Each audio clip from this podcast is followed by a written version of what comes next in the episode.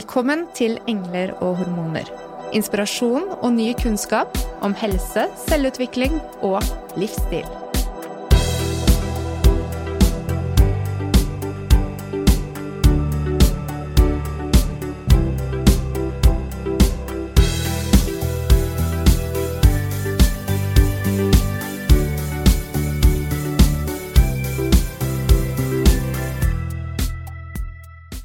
Hvor går skillet mellom åndelige, utafor deg sjæl-opplevelser og psykisk sykdom?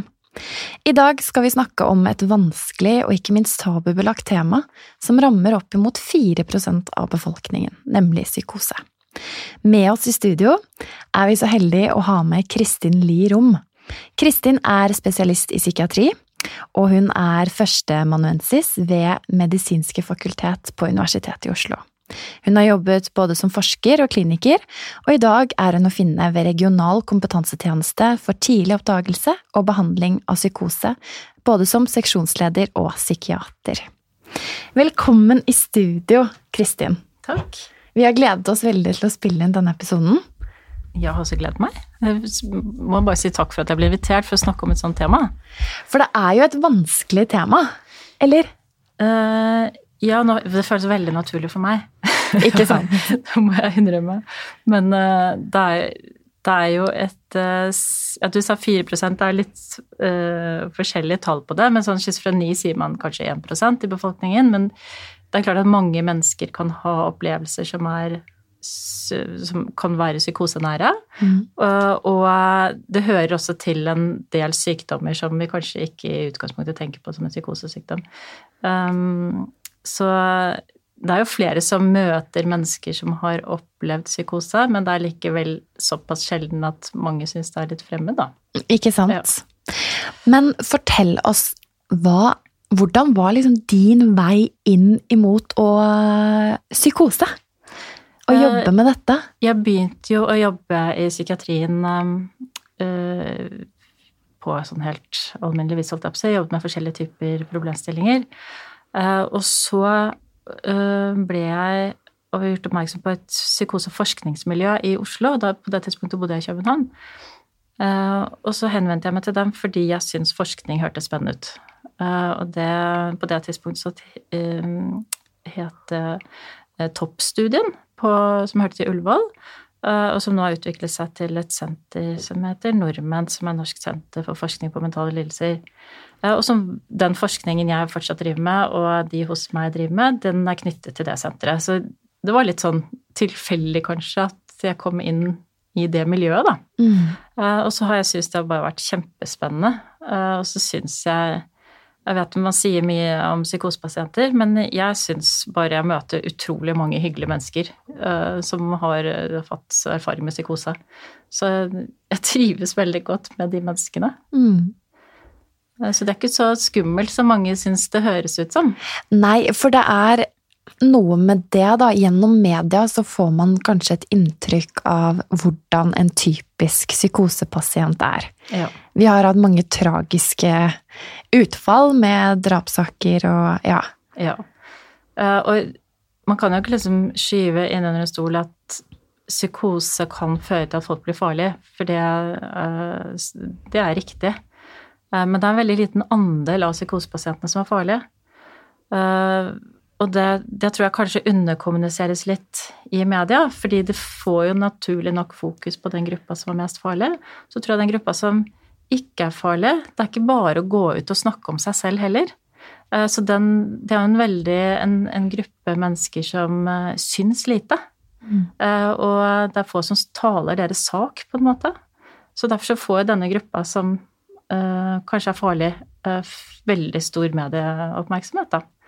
Uh, og så tenker jeg man kanskje bør skille litt mellom det at noen er farlige, hva er årsaken til at de er farlige? Det er ikke kun, hvis du ser på studier rundt dette, så er det ikke kun det at de er psykosene i seg selv som har gjort at de er farlige. Eh, hvis eh, du kobler det på rus, f.eks. Det er en veldig stor andel av de som er farlige, som også har rusproblemer.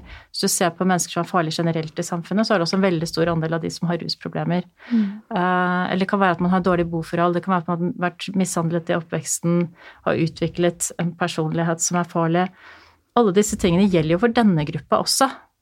Så det er jo ikke Og det tenker jeg man glemmer noen ganger, da, at de fleste som begår vold i samfunnet, er jo ikke psykotiske. Mm. De gjør det andre årsaker, og det gjenfinner vi noen ganger også i denne gruppa. Mm. Men Kristin, jeg tenker bare for å trekke det ned litt eh, For, det, for de aller fleste så er ikke dette dagligdags språk. Mm. Kan du forklare oss på en enkel måte hva er det egentlig psykose er? Eh, ofte så snakker vi jo om at det er en realitetsbrist. At man ikke greier helt å skille mellom det folk flest mener er reelt, og det du som person mener er reelt. Og det kan dreie seg om at man ser ting som andre ikke ser, at man hører ting som andre ikke ser, nei, hører, eller at man har opplevelser eller tanker om hvordan ting henger sammen, som ikke er helt forenlig med hvordan andre tenker at ting henger sammen. Ja. F.eks. at du stadig vekk hører en stemme som snakker nedsettende til deg. Det er ingen andre som hører den, men høres helt tydelig ut, like tydelig som jeg hører dere.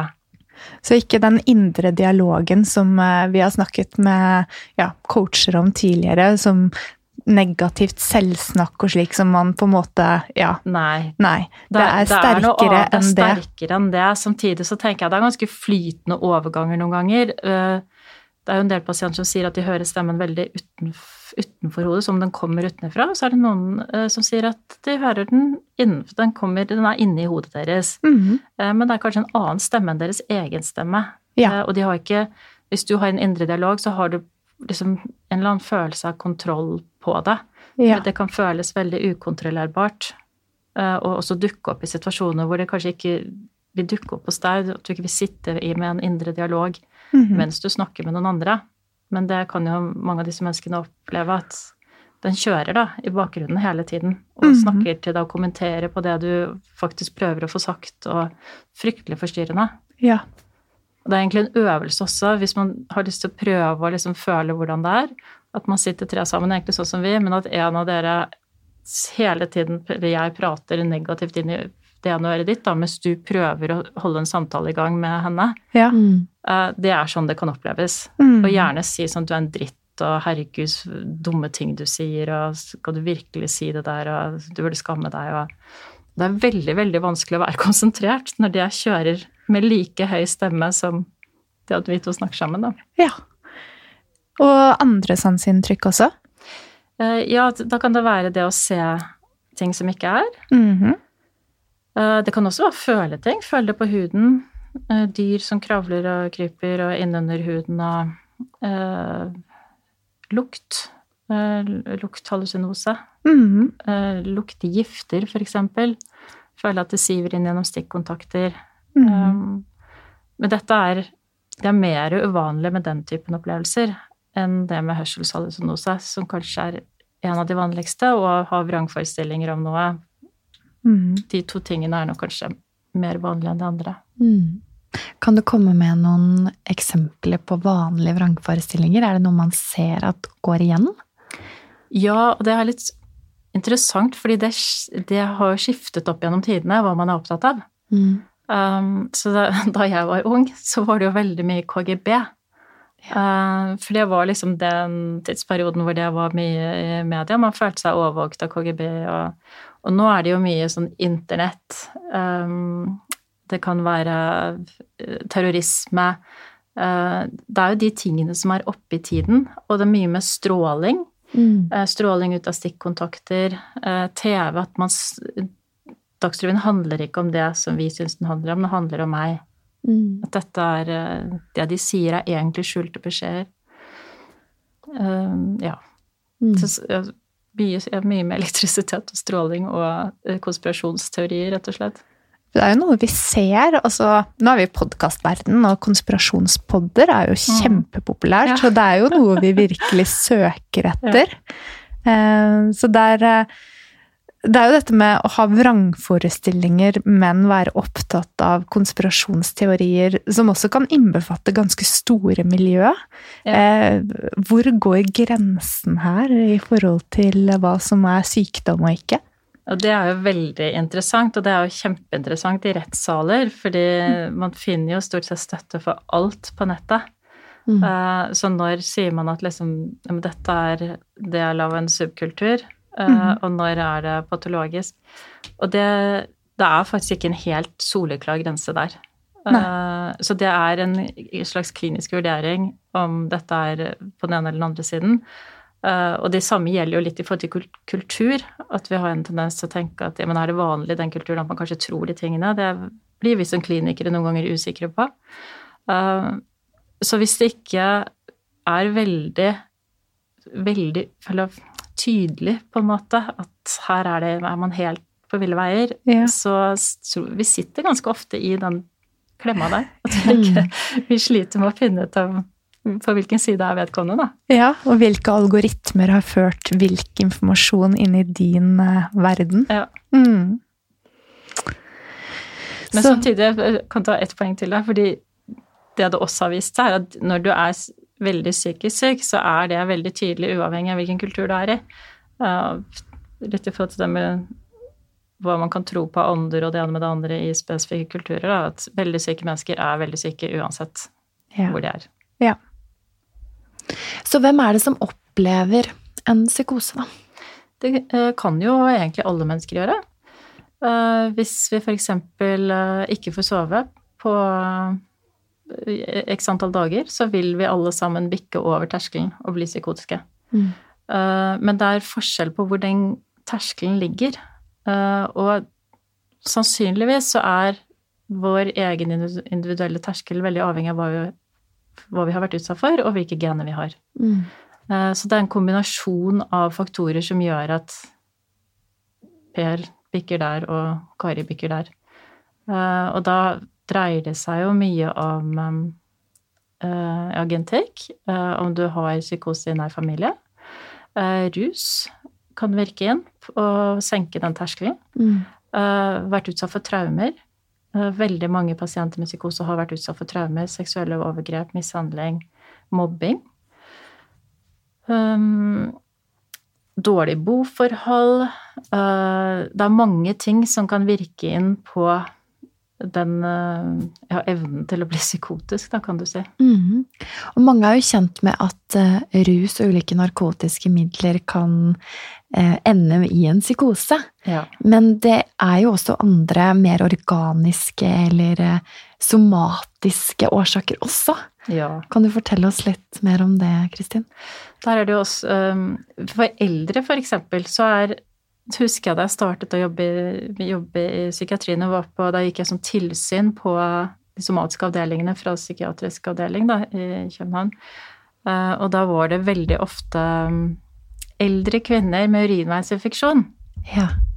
Det skal man ikke få. Noe som er veldig vanlig. Noe som egentlig er veldig, veldig vanlig. Mm. Men det tålte det ikke, eh, og ble psykotiske.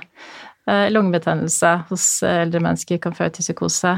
Um, så det er tumor, uh, svulster. Mm. Uh, så det er en rekke ting som kan føre til psykose. Også medisiner. visse medikamenter som brukes for somatisk sykdom, kan føre til psykose. Mm. så der er det en rekke ting som skal på en måte utelukkes når du får inn en person hvor du kanskje syns det Det skal jo selvfølgelig utelukkes alltid, men det er noen ganger kanskje mistanken er litt høyere enn andre ganger om at det dreier seg om en somatisk årsak, da. Kanskje særlig hvis man er litt oppe i årene. Mm. Plutselig blir psykotisk. Så typisk så vil det kanskje være pårørende, venner eller fastlege som ser dette først? Oftest eh, pårørende. Ja. Hva gjør man da som pårørende hvis, eh, hvis man har eh, en opplevelse at nå er personligheten endret hos min kjære? Ja. Eh, fastlegen er et veldig godt uh, bud uansett. Mm -hmm. særlig hvis fastlegen har et forhold til den ungdommen. Nå sier jeg ungdom, for det debuterer jo ofte i sånn sene ungdomsår. Hvorfor gjør det det? Har det noe med den hormonelle endringen som skjer, eller hva, vet, vi, vet vi noe om det? Man regner med at det har noe med hva som skjer i hjernen. Eh, for hjernen modnes eh, i ungdomsårene. Det skjer utrolig store endringer. Jeg var på en kongress hvor det var en forsker som snakket om dette, som sa at det er utrolig at vi faktisk overhodet kan føre en samtale med ungdom mellom 15 og 20 år, fordi det er så voldsomme ting som foregår i hodet deres. Mm. 15 og 20? Ja, det er mm. veldig Du nikker. Nei, jeg er ikke der ennå. Nei. Men det er jo mange som sier, sier, at man kan sammenligne altså ungdom og puberteten da, med en fire-femåring. sånn i hvordan hjernen utvikler seg. Ja, det skjer helt enormt mye på en gang. Og noe av det som skjer, er at man har et sånn kjempestort nettverk i hjernen av koblinger, og så klippes dette liksom til på en eller annen måte. Eh, sånn Man kaller det egentlig beskjæring.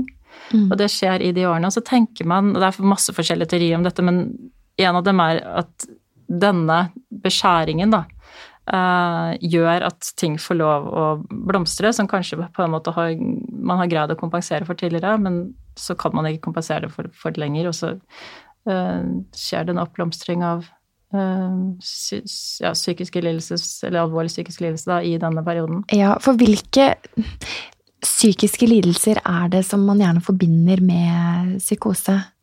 det er jo primært schizofreni som på en måte er den hoveddiagnosen som veldig mange tenker på når de tenker på psykoselidelser. Eh, men så kan du jo få psykose som er eh, det som heter en schizoaffektiv psykose, som er en blanding av en eh, sånn humørsvingningstilstand og psykose. Eller bipolar lidelse, hvor du også har disse humørsvingningene, men hvor du kan bli veldig psykotisk i perioder.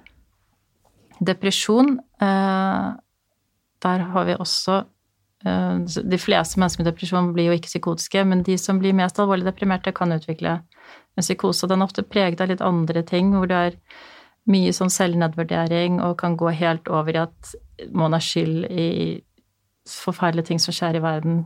Krigen i Syria. Det er min skyld. Man mm. tror litt sånn selvhenførende på den, eh, det som har skjedd rundt den, da. Mm. Um, og så er det Skal vi se hva kommer på mer Så kan det være folk med autismespekter kan ha psykos, psykotiske gjennombrudd. Jeg eh, vet også at en del med ustabil personlighetsforstyrrelse kanskje ikke er psykotiske, men de får sånn gjennombrudd av realitetsbrist, da, hvis mm. man kan si det på den måten. PTSD-pasienter kan ha psykotiske symptomer. Så det er, det er, egentlig symptomer som kan ses ved veldig mange mm. tilstander. Og realitetsbrist og den hverdagen og det livet, da, den realiteten disse pasientene lever i der og da, det, det er jo lett å forstå at det er helt grusomt. Å sitte der med den forståelsen at man er skyld i så mye vondt. Ja. Mm.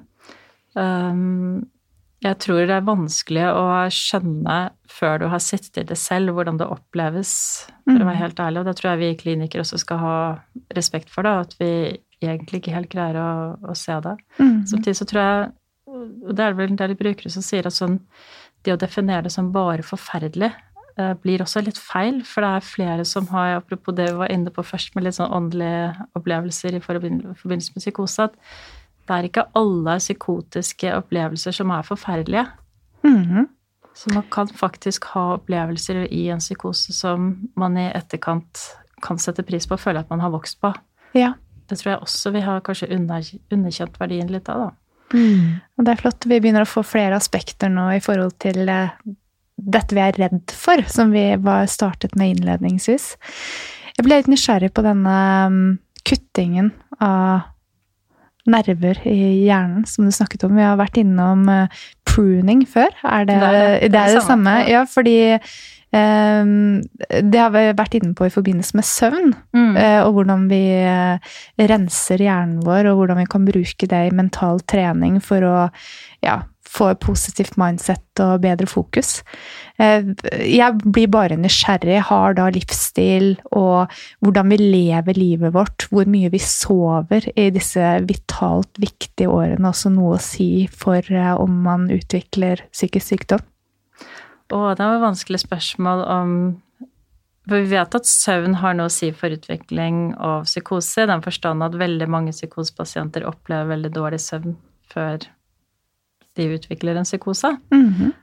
Men om søvn gjennom hele ungdomstiden, om det Det er jeg litt usikker på. Det er faktisk en hos meg som er veldig opptatt av søvn, så da var det hun som skulle svart isteden. Ja. Men, men jeg tenker når det gjelder i hvert fall helbredelse, holdt jeg på å si, eller tilfriskning, så har søvn en utrolig viktig plass i psykosebehandling. Mm -hmm. uh, og det er også interessant at den, fokuset på det har økt de siste årene. og også forekomsten av søvnlidelser hos psyko psykosepasienter har man blitt mer oppmerksom på. og der har nok vi vært mer sånn vi gir den samme medisinen til alle og undersøker ikke så veldig godt hva slags type søvnproblemer det er. Og så har vi gitt medisiner, og så har vi kanskje noen ganger til og med gitt medisiner som i hvert fall opprettholder den søvnforstyrrelsen som er der fra før av. Um, hvor nyere forskning nå tyder på at det er Vi skal egentlig ha en mer um, hva skal vi si, skreddersøm da, når det gjelder behandling av søvnforstyrrelser hos psykosepasienter. Mm. Det er også et spennende studie som har vært gjort i Oxford, hvor de har uh, hatt kognitiv terapi som metode for å behandle søvn i en akuttavdeling. Uh, og har, vi har jo egentlig tenkt litt at kognitiv terapi hos akuttsyke pasienter, de, da er de så dårlige at det får vi ikke helt til.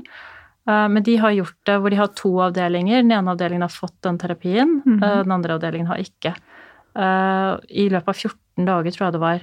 Og den gruppa som fikk den terapien, som var ikke medikamentell, men terapeutisk, de ble skrevet ut over åtte dager 8,1 dager sånn, eh, raskere enn den andre gruppa. Spennende. Det var en ganske liten studie, men det er jo interessant når man tenker på hvor uh, vanskelig det er å behandle. Og da kan det jo se ut, selv om det er en liten studie, som om det å greie å få disse menneskene til å sove uh, på riktig måte, mm. få sannsynligvis øke søvnkvaliteten deres, da, uh, har en effekt på hvor raskt du blir bra igjen. Mm.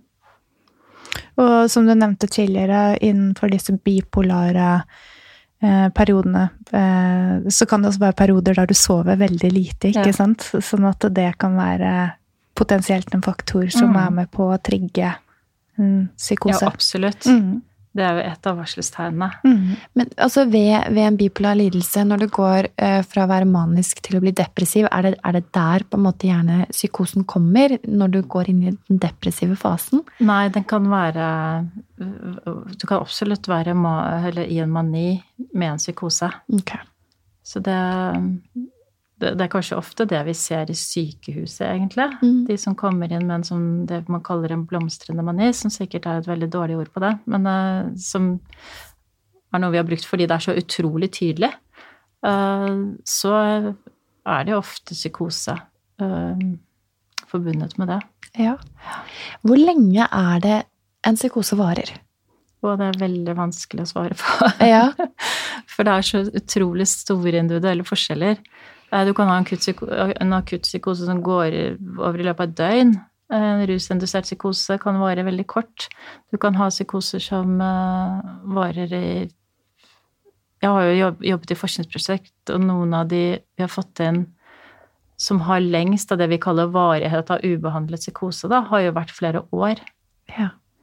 Eh, Men da har de heller ikke vært i behandling. Så kan du si at en vrangforestilling som har sittet i mange år, den er veldig vanskelig å behandle deg ut av, holdt jeg på å si.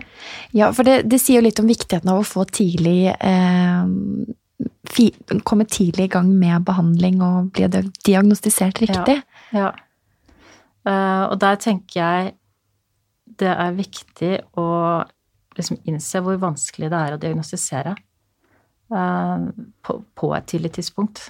Um, og som litt som jeg nevnte for dere i stad, det er viktig å komme tidlig til, og det er viktig å møte en behandler som har kompetanse på det. Eh, fordi det er såpass lavfrekvent at det å få nok kompetanse til å kunne vurdere tidlig tegn på psykose eh, krever litt mengdetrening. Mm. Er det fastlegen man kommer til eh, første instans? Ofte så er det nok fastlegen, og det man også kan merke seg, er at mor er jo ofte den som tar kontakt. Eh, så familien er jo kjempeviktig når det gjelder å få pasienter med psykose i behandling.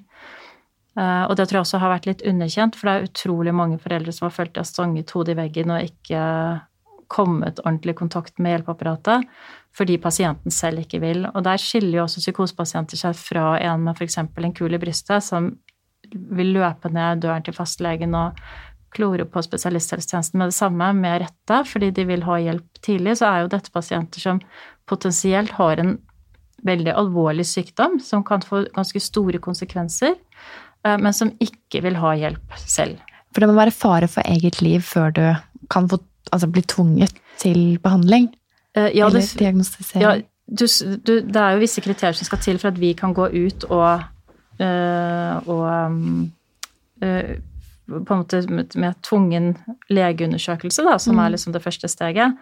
Eh, men så skal det være mistanke om psykose. Så du må ikke være til fare for deg selv før vi skal gjøre et forsøk. Nei.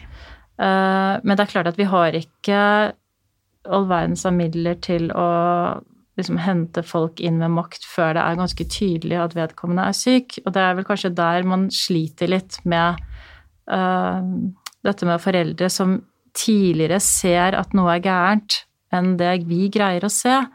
Uh, og så kommer de og forteller at de syns uh, deres ungdom har endret seg vesentlig. Men når vi snakker med dem, så er ikke den Vi har ikke noe sammenligningsgrunnlag. og vedkommende kan på en måte samle seg nok til å virke rimelig ja. eh, fornuftig. Mm. Eh, og da er det vanskelig for oss å helt komme i mål med liksom Vi kan ikke tvinge noen som tross alt uh, virker å være samlet og snakke relevant og svare på spørsmål og uh, det, er vanskelig for oss, da. Mm. Uh, og det skal det vel kanskje være også, men, men det er der jeg tenker at stens, det samarbeidet man da kan skape med foreldrene, er utrolig viktig, for det er jo noe med å også da veilede dem uh, til man kommer kanskje i en relasjon som gjør at man kan få lov å slippe til å, å, å hjelpe til. Og der tror jeg også det med køer i behandlingsvesenet og stort press på helsetjenesten vanskeliggjør den typen hjelp da, til mm. foreldre, fordi vi da prioriterer noen andre som faktisk vil komme. Uh, Istedenfor å bruke mm. tid på noen som, hvor pasienten egentlig ikke vil, han virker ikke så syk, foreldrene er bekymret, men det er jo mange for, bekymrede foreldre, så, så, blir avveiningen til fordel for de som faktisk står og banker på døren. Mm. Men uh, når du da kommer til diagnostisering, enten du vil eller ja, når du vil, mm. um, hvordan er et typisk løp? Ja, nå har vi fått pakkeforløp for psykose i psykiatrien, som gjør at eh, det er visse ting som skal oppfylles rent sånn utredningsmessig.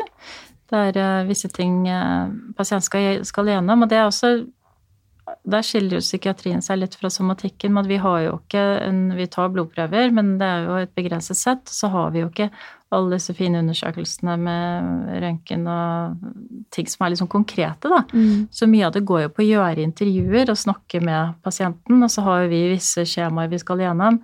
Um, og det Der er det jo også vanskelig noen ganger med en pasient som ikke har lyst til å snakke med oss.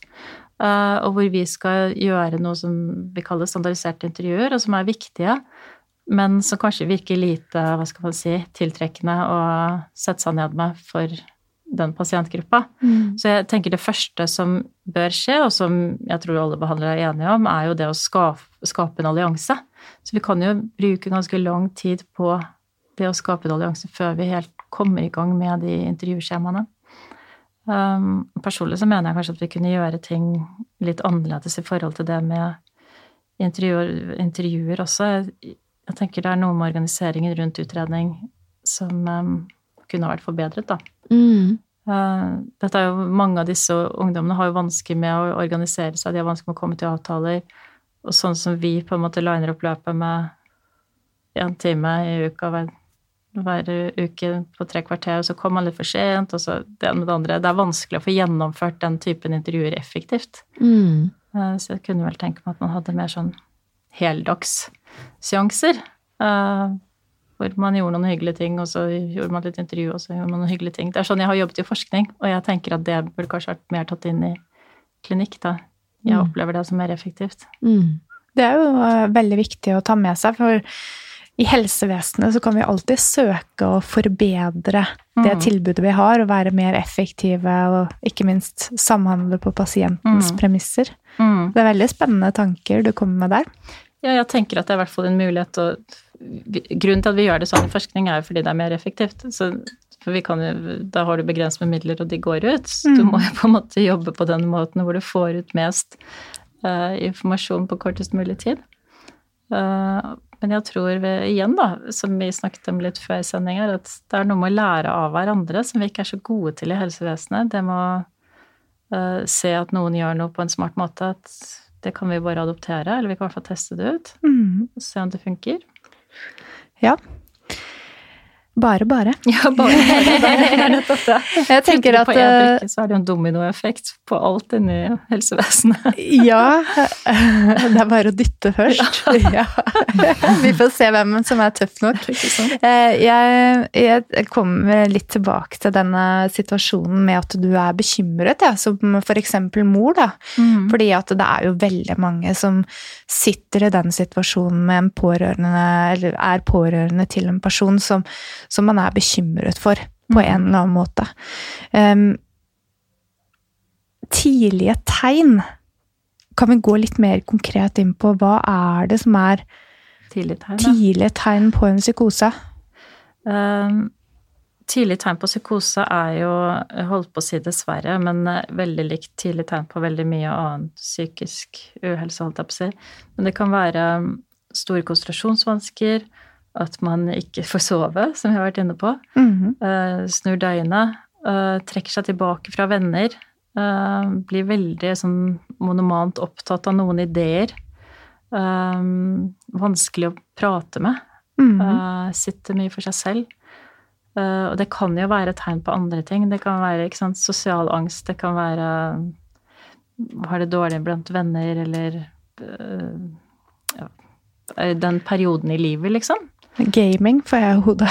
Ja, mange pasienter gamer mye også. Mm. Um, så det kan på en måte være flere forskjellige ting, men jeg, jeg, jeg tror hvis du først får hvis, hvis du har jobbet mye med denne pasientgruppa, og du får mulighet til å snakke med, med denne ungdommen, så vil du noen ganger få en liksom følelse av at det er noe mer enn bare alminnelig Mm. um, ja, dårlig periode på skolen. Det, det, er noe, det ligger noe mer der, da. Mm. Og jeg tror den følelsen fanger foreldre Ja, tidligere. Uh, og, og det er derfor vi også må høre på hva foreldrene sier. Hva er endringen? Ja. Uh, for, og, og gjerne fall i karakterer. Har mm. greid seg kjempebra. Plutselig så faller man. Uh, gjerne som første og annen gym. Ja. Um, det heter ikke gym lenger etter videregående. Men, men, men at det er flere ting på én gang. Det er ikke bare én ting. Nei. Eh, og hvis man i tillegg har stemmehøring og så- Men det er jo ofte noe de ikke snakker om. Ja. Men har den typen symptomer i tillegg, da, så Det er jo um, eh, en, en ting er alt det dere kan bidra med hvis de kommer inn i behandlingssystemet. Men om man som forelder eller pårørende er bekymret, så er det også enkelte kanskje ikke-medikamentelle tiltak som man kan prøve å legge til rette for selv også, for å Mm. forbedre situasjonen. For det, Mm. hvis vi kan gå den veien først, hva er det man kan gjøre hjemme for å forbedre situasjonen? Altså se om man kan bidra førstehånds da, med å hjelpe personen hjemme? Eh, Hvis man virkelig tror det er psykose, Mhm. hvis det er det man mistenker Ja, hvis tenk- man er i tvil, tenkte jeg meg ja, men jeg tenker også Hvis man er i tvil, så ville jeg ringt og snakket med noen. Jeg ville Mm. ikke startet med en Selvfølgelig vil du starte med noen tiltak, men jeg ville tenkt at det skulle jeg gjøre uansett. Mm. Uh, og da tenker jeg sånn som det er, i hvert fall i Helse Sør-Øst, og også i Stavanger-området, så har man tipstelefoner. Så jeg vil gjerne liksom slå et slag for det med det samme. Ja, det er et kjempefint tilbud. Ja, Mm. og det er en lavterskel hvor alle kan ringe inn, og det er, eh, i hvert fall på Tips Sør-Øst sine hjemmesider, så kan du se, eh, få en oversikt over de vi har oversikt over. Eh, Og da kan du få snakke med noen som er ekspert på det, og de screener litt på, i telefonen under samtalen hva dette kan dreie seg om. Ja, Så Eh, der behøver du ikke å være helsepersonell for å ringe inn. Nei. Der kan hvem som helst Ja. ringe inn. Ja. Jeg tror vi legger med det telefonnummeret i episodebeskrivelsen, slik at alle kan finne det der. Du kan legge en link, link til vår side, for det er flere telefonnumre. For hvert helseforetak har litt sitt telefonnummer. Kjempefint.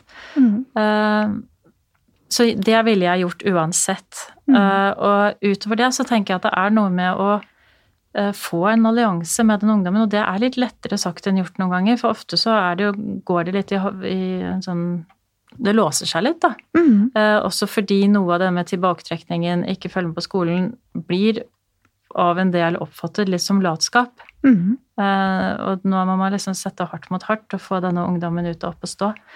Eh, og det er der jeg mener at hvis det virkelig er begynnende psykose, så trenger disse foreldrene litt hjelp til å kunne finne ut hvordan de skal gjøre det best for den ungdommen. Mm. Og mye av det går jo på um, problemløsning. Eh, lære seg metoder for problemløsning. Eh, Kan du gi et eksempel på det? det kan være at man eh, det, Alt dette stammer fra familieterapi. Det som heter psykoedukativ familieterapi, som er forferdelige forferdelig ord, men eh, som er liksom evidensbasert eh, familieterapi for psykosepasienter. Men som går på å la ungdommen forklare hvordan de opplever problemet, eh, og la foreldrene forklare hvordan de opplever problemet, og få disse her til å snakke sammen og finne løsninger på tingene, men med utgangspunkt i hva den ungdommen har behov for. Ja. Eh, Og da trenger man litt sånn samtaleteknikk, så det går litt på å la begge få lov å prate, og så gå sammen og prøve å finne løsninger, og så sette noen mål, og se om man når de målene. Um, og det har stor effekt. Og det, nå har det jo også vist at den metoden er jo ikke bare for psykosepasienter, holdt jeg på å si, den funker jo også på andre pasientgrupper. Men eh, det at det har gått sånn i lås da, i veldig mange familier med disse eh, ungdommene, det tror jeg ikke vi kommer helt utenom. Nei. Det er også fordi det er litt uforståelig. De har liksom hatt en ungdom som på en måte har fungert, og de har greid å prate sammen, og så plutselig så er det liksom det, det krasjer på alt, da. Forståelsen av hvordan ting henger sammen, hvordan verden henger sammen. Er det nødvendig å gå på skolen? Er det nødvendig i det hele tatt å stå opp? Eh, Jeg, jeg har rare ideer som man tviholder på. Foreldrene prøver å si at jeg er en, den ideen gir jo ingen mening. Mm. Eh, Og så kommer man liksom opp i sånne verbale fighter. Ja. Mm. Og det tenker jeg det er viktig å prate om, at det er helt vanlig også. Helt at det vanlig. Er, det er er selvfølgelig vanskelig. over. Nei, ikke sant, som Nei. foreldre eller som Nei. nært pårørende. For jeg tenker at en psykose rammer jo ikke bare den rammede. Det rammes eh, Altså, familie og venner, de Ja. rammes jo også. Ja. Em, hva med stigma da, som er knyttet opp imot denne pasientgruppen? Det er, eh, det er et kjempestort problem for eh, mange pasienter med psykose, og særlig de som får diagnosen schizofreni. Um, det er noen som syns at det er fint å få det, fordi det forklarer de syns at det forklarer deres symptomer, og de syns at det gir eh, mening i forhold til hvordan de har det, men veldig mange syns jo dette er fryktelig vanskelig. Eh, Personlig så skulle jeg ønske at schizofrenidiagnosen gikk ut. Der er det litt sånn eh, Jeg vet ikke om det fortsatt er 50-50 i eh, forskningsmiljøene på om den skal være eller bli. Eh, Det var flere av oss som håpet den skulle gå ut med den siste versjonen av den amerikanske diagnosemanualen, men det gjorde den ikke. Så jeg håper den går ut neste gang. ja. Hvorfor? Fordi at eh, jeg ser ikke liksom hva den tilfører av verdi, annet enn at det er en psykose. Du har hatt en psykoselidelse. Mm. Uh, og så kan man si at jo, men de er, det er en større andel av gruppen som får schizofreni, hvor det er mer alvorlig. Uh, men det er så heterogent. Det er så vanskelig å si Vi greier ikke liksom å si at deg går det sånn med, og deg går det sånn med. Så det vil si at i den samme gruppen med den samme diagnosen, så er det så utrolig forskjellige utfall. Det er så utrolig forskjellige sykdomshistorier eh, at jeg ser ikke noen mening i den diagnosen i det hele tatt. Mm. Så, så når den oppleves så stigmatiserende, så tenker jeg da kan man egentlig like godt kutte i hele diagnosen, spør du meg. Men det er veldig mange som er uenig i det, så Ja. puste puss på min regning. Men uh... Nei da, men jeg, selv om ikke jeg forstår akkurat det, så fra vårt muskel-skjelett-perspektiv så skjer jo det også at vi har enkelte diagnoser der man kaller det mer en sekkediagnose, der Mhm. selve diagnosen i seg selv ikke forteller noe om hvordan denne personen skal behandles. Ja. Eh, og det kan jo være en utfordring når man skal lese forskning og hente informasjon og drive evidensbasert Ja. behandling. Og, og diagnosen schizofreni er jo sånn sammensatt at to personer med samme diagnose bør ikke ha ett overlappende symptom. Nei, Nei. er ikke sant. Det er jo litt merkelig i seg selv, vil jeg si. Ja, det høres jo merkelig ut når du sier det på den måten. Men, men de, har, de har det til felles at de har hatt en realitetsbrist, så det er, og, og det er jo psykose. Så derfor så tenker jeg, kan vi ikke bare kalle det det, og så kan vi se på andre parametere isteden. Se, eller se på hvordan er det med funksjon, hvordan er det med det, er det mye deprimert, er det, hva er liksom det som kjennetegner din psykose? Mm -hmm. uh, og bli mer opptatt av det, da, enn å se på den sekken schizofreni som jeg syns er litt meningsløs. Er det slik nå at det innenfor ditt miljø også er en trend som går i retning av mer individualisert behandlingsplan? Ja, absolutt. For det høres jo Um, slik ut uh, på det du forklarer her. Ja, Ja. og det tror jeg eh, Det syns jeg er en global trend. Mhm. Um, men også det at brukerstemmene har kommet så sterkt inn, som jeg tenker er kjempeviktig. For de har jo helt annet syn på veldig mye av det vi har holdt på med, og på sin egen uh, sykehistorie. Mm. Um, og, og fremhever andre ting enn det vi har fremhevet som viktig. Uh, og det syns jo jeg er kjempeinteressant. Uh, og, og der tror jeg, tror det kommer til å skje ganske store ting fremover innenfor um, psykiatri. Det betyr ikke at jeg kaster ut det vi kan, for jeg mener at vi kan rent fra liksom medisinsk-psykologisk perspektiv mange kloke ting rundt dette, men jeg tror vi skal modifisere en del av det. Um, og at det gir større mening når du liksom får inn de andre perspektivene, da. Uh, det det syns jeg bare er spennende. Jeg tenker at det er, uh, vi går litt spennende tider i møte. Mm. Ja, fra vår side også. Og kanskje mer tverrfaglighet også, slik Ja. at vi får muligheten til å lære mer fra dere når vi har felles pasienter. For det er uh, veldig viktig. Ja, For det er noe med liksom å greie å møte hverandre på um, Jeg tror det er individuelt, da. Hva som hjelper de forskjellige pasientene. Jeg tror medisiner hjelper i akuttfasen, og veldig mange pasienter har god nytte av å stå på de medisinene over tid. Det syns ikke jeg det er noen tvil om i det hele tatt. Det har jeg liksom sett altfor mange eksempler på. Samtidig så tenker jeg at det er noen pasienter hvor medisiner ikke har den frapperende effekten, eller hvor eh, bivirkningene eh, er oppleves som så ille at det, de vil heller liksom høre de stemmene, eller ja, mm. leve med de symptomene de har, da. Yeah. Og at det må aksepteres, og da må vi finne andre måter, metoder for å hjelpe dem. Mm. eh, og leve godt med de symptomene de har, eller eh, prøve å trappe ned på medisinen, eller det, det er- mange muligheter, da. Mm. Um, ja. Du nevnte jo kognitiv terapi eh, i forbindelse med å øke søvnen. Em, hva med sånn mindfulness, meditasjon, ak fysisk aktivitet, ikke minst? Fysisk aktivitet er jo kjempeviktig. Uh, og det var eh, Jeg hadde et sånt prosjekt i sykehuset hvor eh, vi så på liksom veien inn eh, sammen med noen sånn tjenestedesignere som er, de jobber med liksom, hvordan kan vi forbedre tjenestene våre. Så hadde vi så morsomme øvelser hvor de kastet masse kort, bildkort utover bordet. Uh, og det var bilder av alt mulig. Det var kanskje 200 kort. Uh, kaffekopp, en blomst, uh, løpesko, gitar.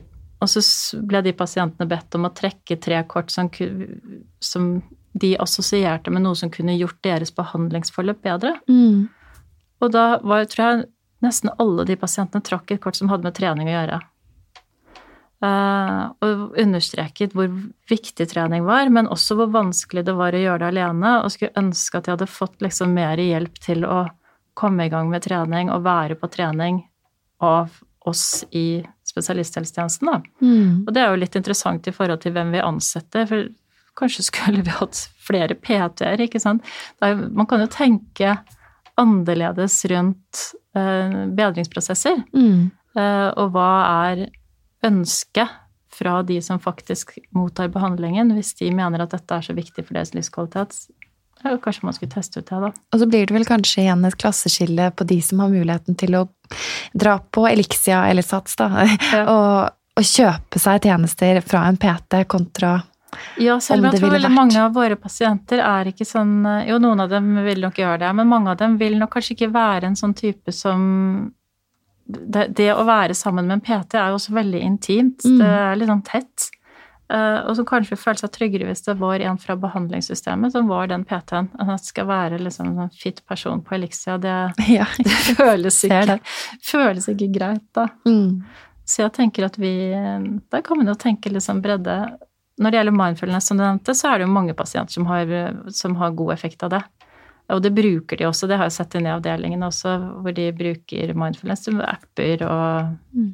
for, ja, meditasjonsøvelser og avslapningsøvelser. Og, så det, er, eh, det tror jeg er en del av veldig mye av det som tilbys allerede. Så bra. Ja. Det er veldig spennende, for jeg tenker innledningsvis så snakker man hva er åndelig, og hva er psykose? Og det er sånn Akkurat som sirkelen sluttes tilbake ved at man introduserer meditasjon inn i ja. behandlingen. mm.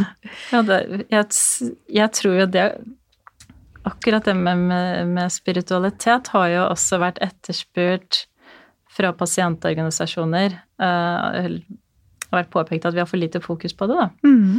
Uh, og det tror jeg nok kanskje er riktig, fordi vi er veldig sånn biologisk orientert i medisinen. Jeg personlig har jo aldri liksom vært spesielt opptatt av det eller tenkt så veldig mye over det. Men så har jeg sett det er forskere i, um, i uh, flere andre steder som er har tatt opp dette som et tema. Mm -hmm. og da er det særlig det der med om du kan redefinere psykosen din til faktisk å ha gitt dem, gitt gitt en mening, da, eller at det er en mm. mening i den. Mm. At det ser ut som å ha også en helbredende effekt. Uh, og det behøver ikke nødvendigvis bety at du som behandler liksom skal gå inn i dette her og, og anerkjenne at uh, det fins Gud eller ikke fins Gud, eller det ene med det andre, men det er det å undersøke det samme med pasienten. Og hvis det hører til den historien pasienten lager rundt sin sykdom, og er hjelpsomt, så er det jo ingen grunn til at vi skal liksom sitte og slå det i hjel med en helt Fordi vi har et helt annet rasjonale for hvordan vi tenker. Mm. Eh, det er eh, Jeg tenker sånn en god, klok terapeut vet å verdsette det, da. Mm. Eh, og da ser det ut som de som greier å se sin psykotiske episode og gi, gi den en positiv um, mening i ettertid, eller opphøye den på et eller annet vis, og få frem de gode aspektene ved det, de lever bedre med den opplevelsen enn de som kun ser det, det vonde i, det, i, opplevelsen, da.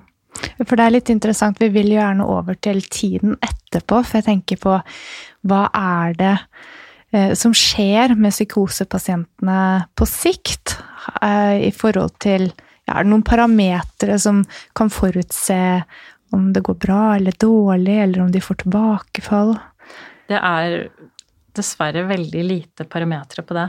Uh, nesten merkelig nok. Det, og jeg har selv undret meg, for det har vært pasienter hvor jeg har tenkt de har vært så syke.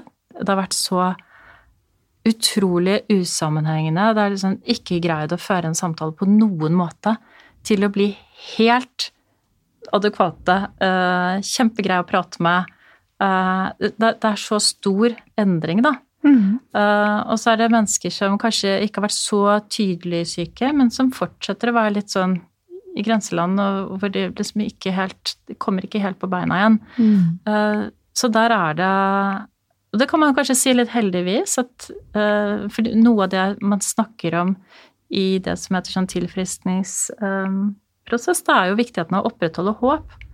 Uh, du kan si så lenge ikke vi har noen gode prognoser på, eller sånn gode mål på hvem det går bra og dårlig med, så er det all grunn til å opprettholde håp for alle. Ja, mm. så, okay. så man, det er viktig kan, å bruke det positivt. Ja, jeg, jeg tenker at uh, det er ikke sånn at uh, Nei, og også at tilfriskning kan skje faktisk etter mange år. hvor du har vært dårlig, så kan det komme perioder hvor du, hvor du tilfriskner, da. Og det syns jeg også er kjempespennende og optimistisk et eller annet sted. Det er veldig fint å høre. Ja, veldig, veldig fint. Jeg blir litt um, Hopper jeg litt tilbake igjen, da. Men hvordan er det å leve med psykose? Det tror jeg det er veldig mange svar på. Fordi det er litt avhengig av hva, hva slags uh, symptomer du har. Men hvis man, hvis man tar sånn psykose Den som er rammet, og samfunnet rundt, da. Mm. Så hvordan er det å em, stå i det?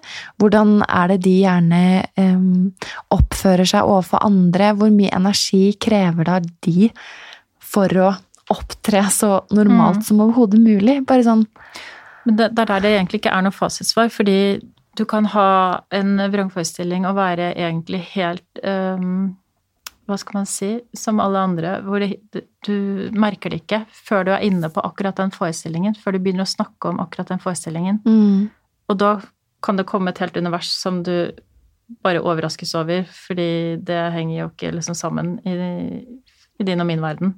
Jeg hørte uh, Unnskyld. Jeg hørte på en podkast om psykose uh, hvor for eksempel um, en mann eller en kvinne blir helt opphengt i at sin partner er utro. Og at det Altså at det Ja. kan være rett og slett Ja, for det kan være en vrangforestilling, ikke sant? Mm. Og da er det ikke sikkert at vedkommende vil oppføre seg noe spesielt i det hele tatt. Og er, når du ikke er inne på de tingene, så merkes det ikke. Uh, men det kan jo være veldig slitsomt for den personen, for for sannsynligvis så kjører jo dette i bakhodet uh, veldig mye av tiden. Mm. Um, og da kan du si at så lenge Du kan jo godt ha forestillinger om ting, men hvis det ikke går utover funksjonen din, hvis det ikke går utover noen ting, er det da en psykose? Uh, eller hvor går grensen for hvor vi skal si det er sykdom, da, og bare en idé? Mhm. Uh, så ofte så snakker vi om at det må følge en eller annen form for funksjonsfall, eller en eller annen form for at du får problemer med relasjonene rundt deg, for at vi virkelig sier at det er en sykdom, på en måte. Mhm. Um, men så kan du ha mennesker som er veldig psykotiske, hvor det er veldig tydelig for alle, uh, som ikke på en måte kan svare greit på ting, ikke er i sin egen verden. Du kan se at det foregår ting inni deg, men du, du har ikke noe kontakt, da.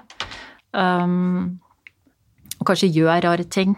Um, på ingen måte greier å ha orden på noe. Um, og det er jo klart at å bo sammen med en sønn eller datter som har det sånn, uh, det preger alle hele tiden, egentlig. Mm. Um, så det er liksom man kan, Det er ikke noe fasitsvar på det, hvordan det er uh, å, være sammen med eller å være psykotisk. Men jeg tror den forestillingen mange har om at hvis du er psykotisk, så syns du så godt, det er kanskje en av de største mytene om psykose. Mhm. Fordi det syns ikke. Nei, da, da snakker man om den gruppa som har det vi kaller disorganisert atferd. Mhm. Og det er det veldig mange som ikke har. Mm -hmm. Så det er én gruppe av de menneskene som har psykotiske opplevelser, som har det. Mm. De som gjerne er originaler. Eller Eh, du ser veldig godt at det her Ja, da tenker du nesten på sånn i gamle dager så snakket vi om pose, pose menn og damer som Mm. høres på gaten. Ja, for eksempel. Uh, ja. En del av de har nok uh, kanskje en psykosediagnose i et eller annet sted, eller kanskje ikke er diagnostisert, men um, ellers så kan man jo godt være ganske original uten å ha psykose. Ja, heldigvis, vil Ja, jeg si. Men, men poenget er da at det, din, i din erfaring så er det ikke synlig. Og det kan være Nei, ganske jeg- velfungerende personer, Jeg ikke tenker sant? for det, Begge deler er mulig. mm. Men, eh, men det er derfor det, det er ikke noe fasesvar på at sånn alle mennesker med psykose, så ser du det på dem. Mm. Eller eh, du merker det veldig godt hvis du bor sammen med dem. De merker det tidligere hvis du bor sammen med mennesker som er psykotiske, enn det andre gjør, sannsynligvis. Men det behøver ikke å være spesielt synlig. Nei. Sånn avslutningsvis, jeg tenker du som fagperson med så mye erfaring, hvis du skulle gi da ut noen eh, viktige punkt til mennesker som, eh, som, som har noen med psykose i sin nærhet, og ønsker å søke hjelp, skal vi koke det ned til noen få punkt som er viktig å huske på eh, og ta med seg videre? Jeg tenker det er viktig å, å bli informert. Mm. Det å lære om psykose. Eh, og da har vi ved Tips og Røst så har vi en egen nettside som heter uh, psykosebipolar.no. Eh, og den er egentlig skrevet til pasientene, og vi har faktisk hatt med pasienter i utviklingen av siden. Eh, og den tar deg litt igjennom både hva psykose er, eh, behandling i eh, flere sånne det vi kaller recovery-historier, eller tilfriskning. Eh, og den er et godt sted å starte hvis man liksom vil lære seg litt om det. Uh, og ellers så tror jeg det er å være litt åpen når man er i dialog med den personen det gjelder. Være litt interessert. Jeg har snakket med flere pasienter som sier sånn ja, men egentlig så skulle jeg ønske at de spurte meg litt mer om de stemmene jeg hørte, eller hvordan var det, hvordan var det å være innlagt på akuttavdelingen. Uh, fordi det er ikke det er ikke så lett å kanskje ha vært ungdom og vært innlagt og snakke om det bare av seg selv. Mm. Så det å interessere seg for det, ha mm. liksom den innfallsvinkelen, da, at jeg, jeg er nysgjerrig, rett og slett. Jeg vil gjerne vite litt mer hvordan du hadde det. Hvordan var det, hvordan opplevde du det å være psykotisk? Uh, det tror jeg veldig mange pasienter vil sette pris på. Fordi det, det er som sagt ikke så lett å bare begynne å prate om det. Nei. Og det å snakke om det, det gjør mm. alt så mye bedre, og vi kan kanskje være med å normalisere litt alt ja. det som du ser er mer normalt enn ja. det vi tror. Ja. Mm. Tusen hjertelig takk for at du kom i studio, Kristin. Det har vært en opplysende samtale. Ja, og en veldig viktig samtale. Mm. Håper jeg dette hjelper noen der ute i eteren. Men det vet vi jo at det gjør, og det er det som er så fint. Så kjenner du noen som har nytte av å høre dette? Tips det gjerne om denne episoden, og ikke minst eh, trenger du å snakke med noen, så se i episodebeskrivelsen vår der du finner kontaktdetaljer og telefonnummer som du kan benytte deg av for å få mer informasjon. Takk for i dag.